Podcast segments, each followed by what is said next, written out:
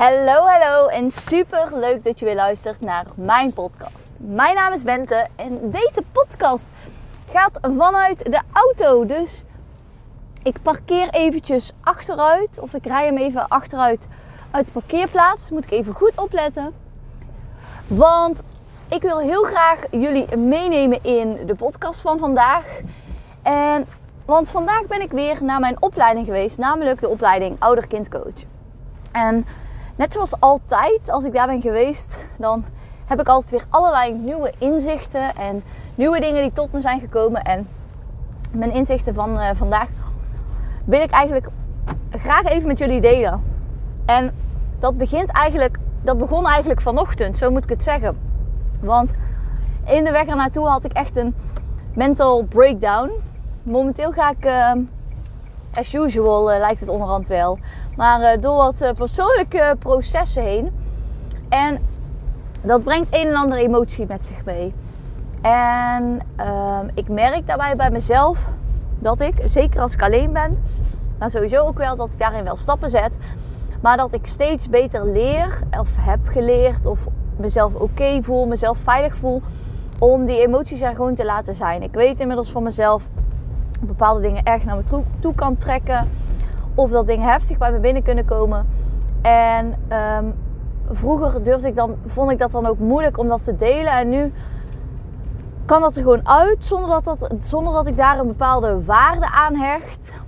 Ik heb, merk nu gewoon op die momenten dat ik dat ervaar, dat ik gewoon verdrietig kan zijn, dat ik verdrietig mag zijn en dat ik daar verder weinig oordeel op heb.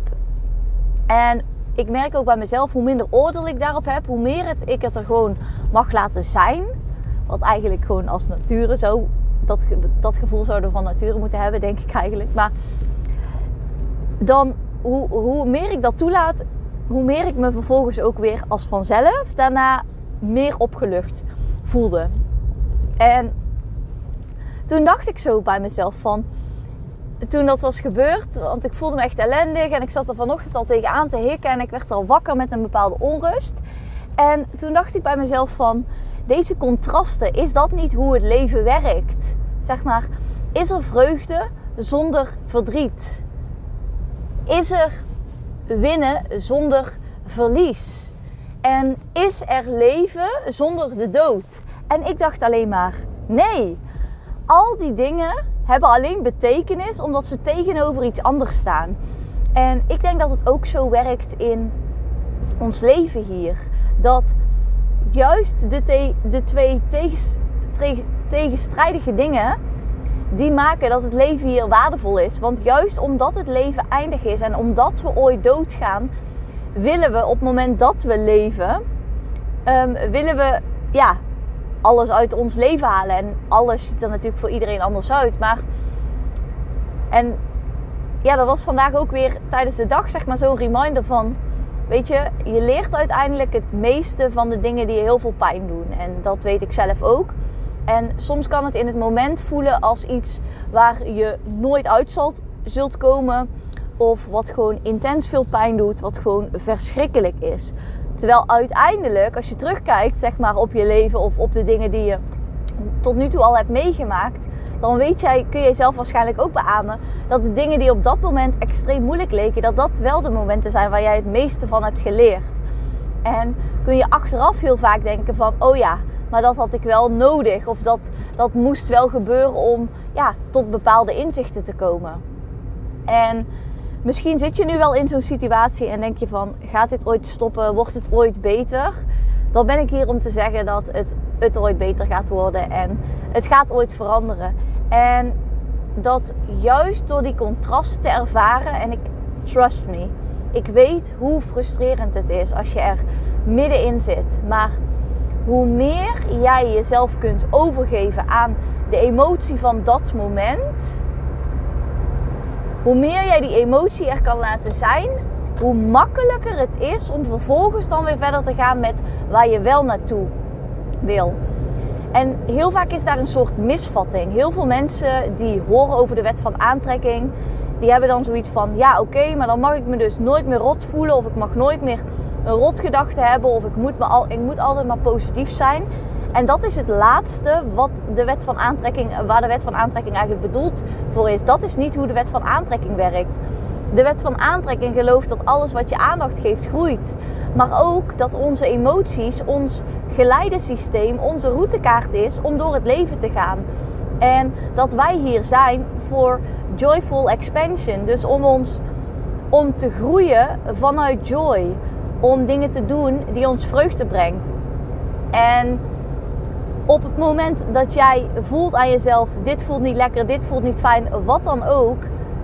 Als jij op dat moment die emotie probeert weg te drukken, dan zul je merken dat het werkt als een boemerang. En dat die emotie alleen maar zwaarder en groter voelt. En dat het als een gevecht voelt. Terwijl op het moment dat jij in dat moment kunt accepteren dat het even is zoals het is. En er niet tegen probeert te vechten. Dan zul je zien dat er vervolgens letterlijk en figuurlijk ruimte komt. Ruimte komt om dan weer te kijken waar je wel naartoe wil. Dat is tegelijkertijd dan ook heel belangrijk. Ik heb daar al eens ooit vaker of meerdere podcasts volgens mij opgenomen over visualiseren, een vision board, eh, het herschrijven van je verhaal of het helder hebben van je toekomst. Ik denk dat het namelijk heel helder is om te weten waar wil ik naartoe? Wat zijn dromen van mij? Wat zijn mijn verlangens? En niet om je op dat klote moment altijd daarmee bezig te zijn, maar wel om na zo'n moment jezelf weer bij elkaar te, te, herpakken en weer te kijken: oké, nu is dit er even geweest. Dat mag er ook zijn. En als je weer komt, weet je, je bent welkom. Het is gewoon een soort maatjes worden met je eigen gevoelens. Het mag er allemaal zijn en je bent welkom. En vanaf nu ga ik weer kiezen voor iets anders. En in mijn beleving is dat zoiets anders dan simpelweg het altijd in het gevecht met je emoties. Het altijd proberen weg te duwen. Het altijd jezelf stoerder voordoen. Het altijd maar jezelf gebroken voelen. Want het is niet zo dat je je altijd gebroken hoeft te voelen. Het is zo dat jouw emoties er willen zijn. En het is een beetje als dat irritante kindje die vraagt om een snoepje. Dat kindje zal, en jij zegt nee, dat kind, oké, even denkbeeldig hè mensen, maar dat kind zal blijven vragen en vragen en vragen en vragen en vragen en vragen en vragen tot je op een gegeven moment zegt en nou hou je je kop dicht. En dat is dan ook nog wat we tegen onszelf zeggen. Dus we hebben het op dat moment niet alleen moeilijk met onze eigen emoties, maar we zijn op dat moment vaak ook nog eens extra hard tegen onszelf, omdat die emoties er niet mogen zijn. Dus het is een soort dubbele afwijzing op dat moment, waardoor je je twee keer zo ellendig voelt. Vaak. Bent, wat wil je nu precies zeggen met deze podcast? Ik wil je met deze podcast wil ik je uitnodigen om het mooie te laten zien, het, te laten ervaren, te laten inzien van de contrasten van het leven. Want kun je echt iets winnen op het moment dat er niks te verliezen valt? En soms vraag je het universum om een les in moedig zijn, om een les in kiezen voor jezelf en krijg je iets. Been there, done that.